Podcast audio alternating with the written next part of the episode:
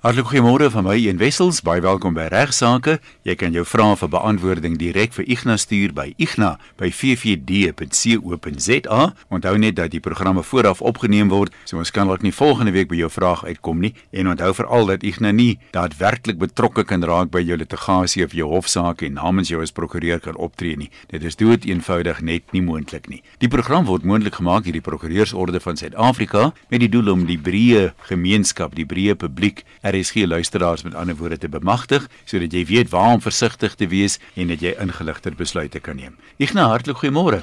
Goeiemôre Ian, goeiemôre luisteraars. Dankie dat jy ingeskakel is. Ek hoop jy geniet die vakansie van die wat die wat die voorreg het en uh, gaan my bes probeer om die program vir jou interessant te maak. Uh, eerstens, ek het al male sonder tal Ian, jy sal weet, gepreek en amper gesoebat dat partye wat saamwoon asseblief tog 'n saamwoonooreenkoms moet aangaan in die boek wat hy geskryf het is ook 'n mooi voorbeeld van so 'n ooreenkoms. Maar tog kry ons nog 'n reële klaagliedere van veral vroue wat uh, duidelik nie hulle belange beskerm het nie en dan tot hulle spyt te laat uitvind dat hulle groot probleme het. En die vraag is of daar 'n wederwysige plig tot onderhoud is op partye in so 'n saamwoonverhouding want die algemene reël in Suid-Afrikaanse reg is dat daar geen plig is op partye in 'n saamwoonverhouding om mekaar te onderhou nie. Dit duik gereeld op in hofsaake en is weer eens beslis in Steyn versus Hasse. Uh dis 'n 2015 saak maar wat nog steeds aangehaal word ook uh, deur ons howe gereeld. 2015 4 SA 405 vir die prokureurs wat dalk luister. En die feite was kortliks as volg: Hasse was 'n Duitse burger wat meeste van sy tyd in Duitsland spandeer het, het 'n huis in in die strand in Somerset Wes gehad waar hy 4 maande elke jaar spandeer het. Hy was in 'n romantiese verhouding met die mevrou Steyn gewees en sy het permanent in die huis gewoon en die huis ook onderhou. Nou het haar geldelik vergoed om die huis te onderhou, ook gereeld geskenke aan haar gegee. Nadat die verhouding te verbreek is, het hy aansoek gedoen vir 'n uitsettingsbevel teen mevrou Steyn en sy het geweier om vrywillig uit te trek. Mevrou Steyn het beweer dat hulle mondings gereël het dat sy vir baie lank in die huis kon aanwoon en dat dit eers op 'n sekere tyd tot 'n einde sou kom en uh, in elk geval sê sy was daar ooreenkoms dat indien die verhouding tot 'n einde sou kom voor 'n sekere tyd sou hy vir haar 'n ander huis gekoop het. Uh, alles kapitale goeder wat hulle onder mekaar gereël het. Nou in die Landdroshof het die Landdros bevind soos ek reeds gesê het die algemene Suid-Afrikaanse reël is dat daar geen wederwysige onderhoudsplig is op partye in 'n saamwoonverhouding nie en gevolglik is hy ook nie geregtig om in sy huis te bly nie want dit is deel van onderhoud. Dit het niks met die kapitale aankoopberedeling te doen nie en gevolglik is die uitsettingsbevel toegestaan. Op appel het regter Goliat beslis dat saamwoon, die term saamwoon gewoonlik verwys na partye ongeag geslag wat saamwoon. Nou onthou nou alles wat ek nou sê is ook nie van toepassing net op heteroseksuele uh, verbintenisse nie, ook op enige partye uh, ook uh, homoseksuele verbintenisse wat saamwoon sonder om wettiglik met mekaar getroud te wees. Partye in so 'n verhouding sê die regter het tipies nie dieselfde regte en verpligtinge teenoor mekaar as getroude paartjie. Hulle kies om nie getroud te wees nie. Hulle kies om nie die die voordele van die huwelik of die verpligtinge van die huwelik te hê nie. En die regter het verder bevind dat alhoewel daar, dis nog 'n belangrike deel hierso. Alhoewel daar geen wederwysige onderhoudsplig deur regswerking rus op op 'n partye in 'n samewoonverhouding nie, is daar niks wat partye verhoed om hierdie plig by wyse van 'n onderlinge ooreenkoms te reguleer nie. Nou kom ek weer by die belang uit van 'n samewoonvereenkoms by al hierdie mense wat so skryf en kla en in in in regtig in groot nood is, moet hulle net dooddig op die straat uitgesit word met geen onderhoud nie. Daar's nou daar's nou groot emosionele uh, verwydering en hulle het geen eis vir onderhoud nie. Hulle moet maar net weet. En uh, behalwe as jy in die ooreenkoms spesifiek gesê het en die regter bevestig dit in hierdie so jy kan kontrakteer dat as die verhouding beëindig word, moet jy aan my die volgende onderhoud gee vir die volgende termyn of wat ook nog al dit mag wees.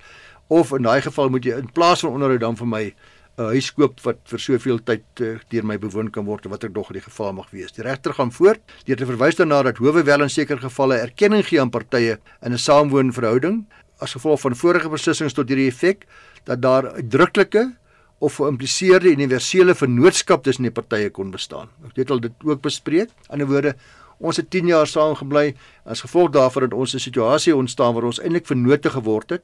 Baie soortgelyk aan 'n huwelik binne gemeenskap van goed, maar dis 'n moeilike bewyslas. Mens moet bewys as jy in hierdie dame se geval of in mevrou Hasse se geval, as jy dit kom wys hoe sy 'n ander aksie gehad het, nie vir onderhoud of nie vir uh, vir weer teen uitsetting nie, maar 'n aksie. Jy sê Ek en jy is in 'n universele vennootskap geraak. Jy skuld met die volgende as gevolg van albei partye moet iets bydra tot die vennootskap. Nou as jy klaar gesien het mevrou Hasse se geval, lyk dit nie of sy iets bygedra het, sy het net gekry. Sy het gratis huis gekry, gratis verblyf. Sy het wel die huis onderhou, maar hy het die koste daarvan gedra. Korrek. Nou die onderhoud van die huis kan dalk as 'n as 'n afhangende van watter mate dit was en of sy nou ook geld ingesit het en of sy bedienis gehad het wat haar gehelp het, uh, huishoudsters ensovoorts. Die tweede vereiste is die vennootskap moet voortgesit word vir albei partye se gesamentlike voordeel. 'n Mens kan nou maar self bespiegel oor wat meneer meneer Haas, ekskuus mevrou Steyn, wat meneer Haas se voordeel was wat hy ontvang het. Sy huis is onderhou en hy het natuurlik die voordeel van haar liefde gehad. En die derde een wees, dis die belangrike een wat mense nogal dikwels op struikel. Die doelwit van die vennootskap moes gewees het om wins te maak. Nou hierso sou mevrou Steyn waarskynlik gestruikel het. Uh ander ons is 'n vennootskap. 'n Baie gewone storie is ek en jy gaan bly saam in 'n huis. Uh ek betaal die verband, jy betaal dalk die huishoudsters. Ek doen dit, jy maak die kos, ek uh doen dit. Ons het baie keer as daar selfs kinders in baie van hierdie gevalle.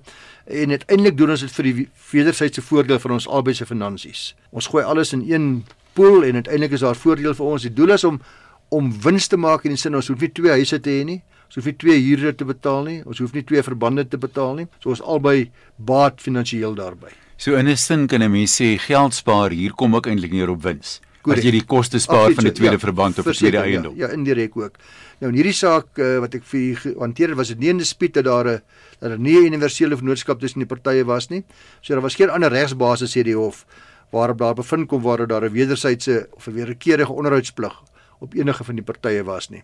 So die appel is ook van die hand gewys. Gelukkig vir die dame het die hof besluit om goed te wees vir haar en nie 'n kostebevel teen haar te maak nie, aangesien sy 'n werklose bejaarde is, uh, wie wie se gesondheid ook nie baie goed was nie, maar natuurlik sy moes die huis verlaat het. So as daar mense is wat vandag luister en ek weet, letterlik der duisende der duisende mense wat al hoe meer mense bly saam en, en trou nie, gaan sien asseblief u prokureur gaan vra u prokureur om vir 'n behoorlike samewoonbedingings op te stel waar albei partye se regte behoorlik uitgespel word veral by beëindiging. Mense het nie 'n kontrak nodig as alles klop dusselboom sal gaan en uh, vir ewig nie. Mense het 'n kontrak nodig vir wanneer dinge skeefloop. Net soos by 'n egskeiding. Dis waar mense huweliksvoorwaarde 'n kontrak opstel om hulle self te beskerm uh, by die einde van die huwelik. Moet u dit ook doen by die einde van 'n samewoonverhouding. En as u saamwoon maar dit nie wil doen nie, dan moet al die rooi ligte brand al die waarskuwingstekens moet afgaan, daar's 'n probleem. Jy nee. hoor dikwels dat iemand net sê, "Ag liefie, ja. vertrou jy my nie?" Al daai nee, emosionele nee, nee. goed daai druk. Nee, dan moet die rooi ligte vir die al die alarms moet moet raas, dan moet jy baie ernstig oorweeg of hierdie persoon werklik van voorneme is om uh, of die samewoonverhouding vir altyd voort te sit alternatiefelik as hy dan nie vir u wil sorg na die tyd nie en u maak opofferinge ter wille van die samewoonverhouding dan moet u my ernstig herbesin daaroor. Ignas, dankie. Ek dink ons kan nog een inpas.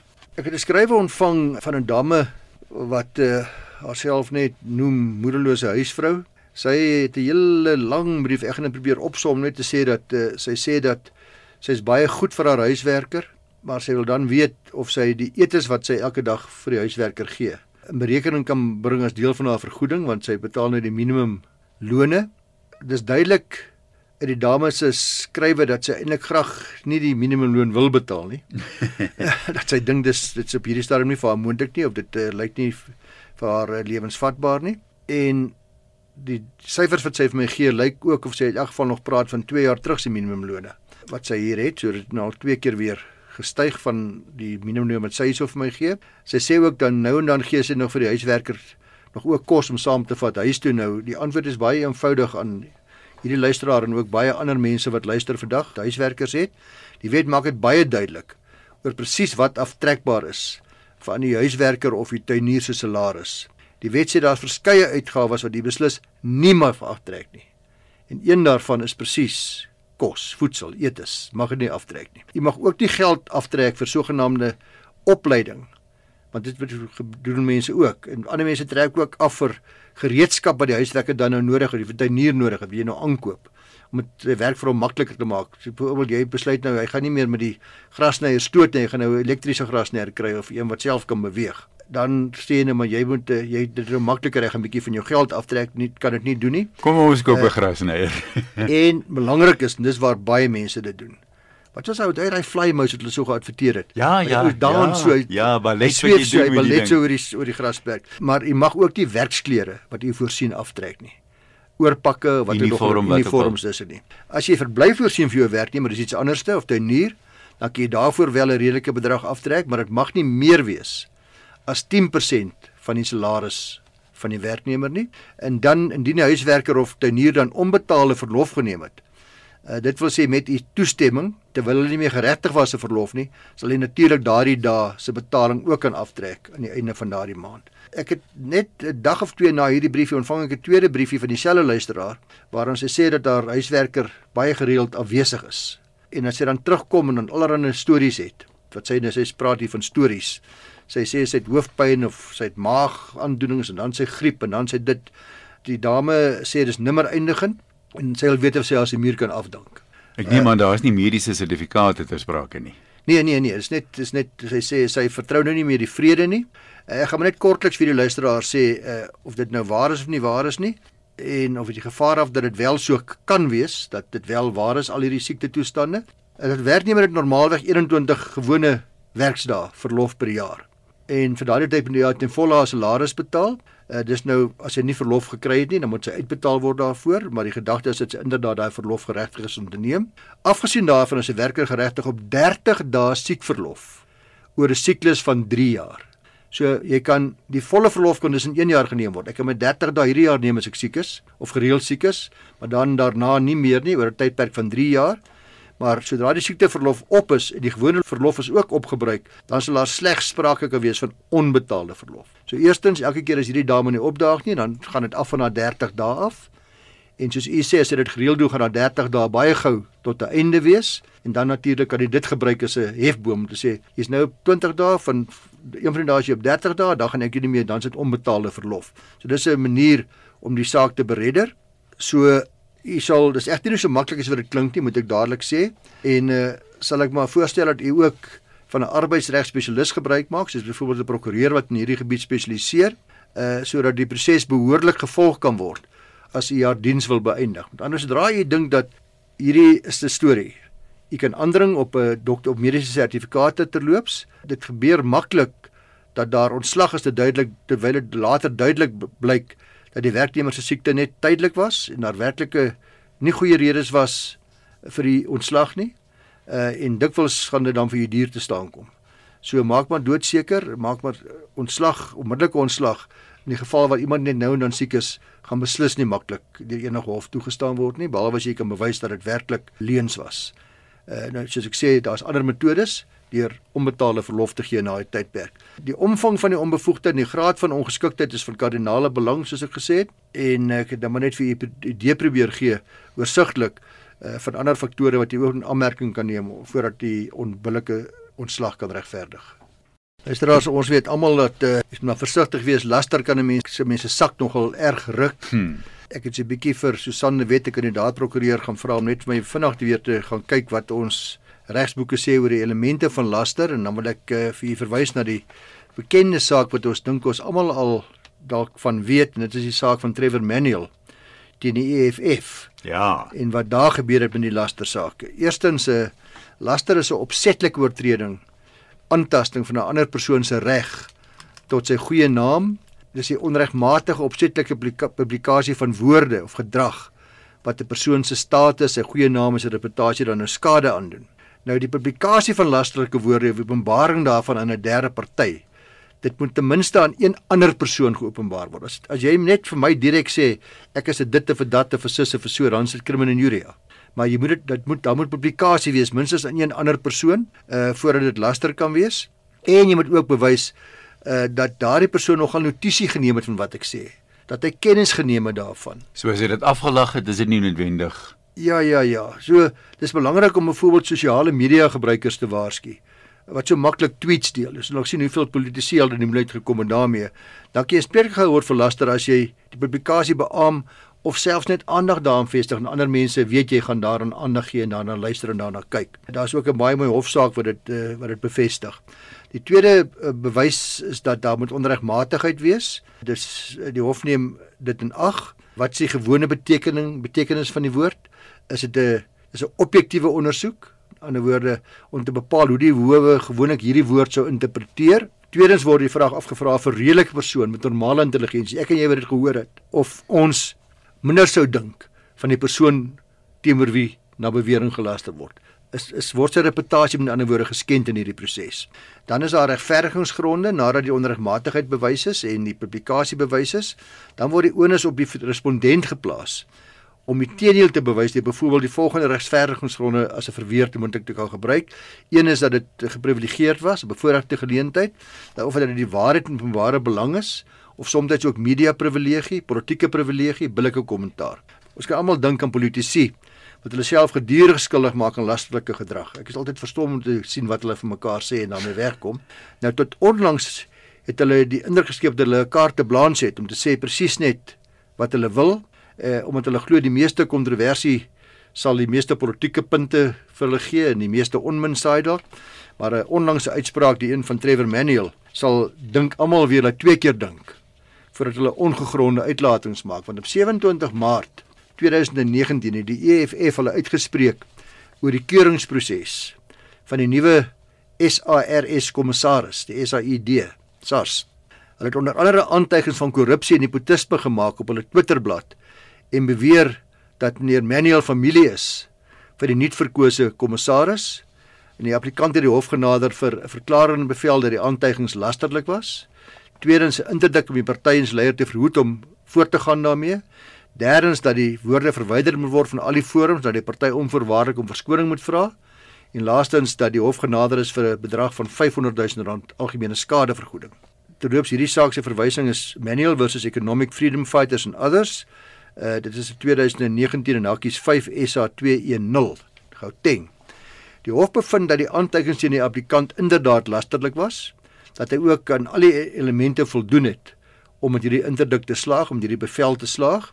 Die hof het verder bevind dat die respondent nie kan steun op die verweer dat die publikasie waar en in openbare belang is. Dit is een van die regverdigingsgronde wat ek vir u genoem het, want die feit dat die applikant en die gekose kommissaris 'n werksverhouding gehad het, is beslis nie genoegsaam om 'n redelike vermoede van nepotisme te skep nie. So die feit dat ons voorheen saamgewerk het of mekaar ken of iets, het niks te doen met nepotisme nie. Die hof het verder al die respondente vir regverdigingsgronde verwerp waaronder gesê het openbare belang, billike kommentaar en gesê die een van daardie slaag in hierdie geval nie. Die aantuigings is bloot net lasterlik en die respondent is beveel om die publikasies te verwyder, verskoning te vra vir die applikant en 'n indruk is toegestaan en die hof het ook dan die EFF beveel om 500 000 rand te betaal aan al aan die applikant vir algemene skade.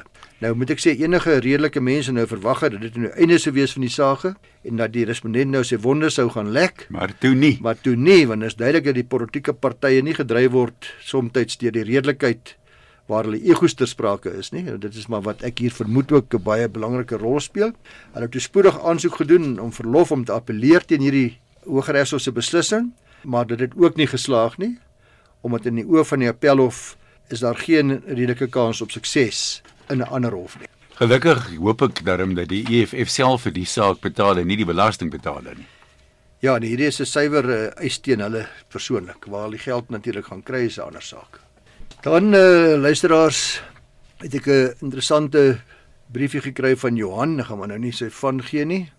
Hy sê hy wil vra of 'n mens kreerrande kan aankoop om sodoende jou boedel te verklein. Wat gebeur het is hy sê dat my ouers het 10 kreerande aangekoop seker so 20 jaar gelede. Ek wou onlangs uitvind wat dit werd is. Die plek hier in Brooklyn sê toe hy's in Brooklyn af sê toe die huidige prys en daar's nie geen formaliteite nie. Hulle sê ek hoef nie bewyse lewer dat ek waar ek dit gekoop het nie en en waar en van wie ek dit gekry het nie. Toe het ek nou gedink sou my ouers nou tot sterwe kom dan hoef ek dit nie eers in die boel aan te meld nie.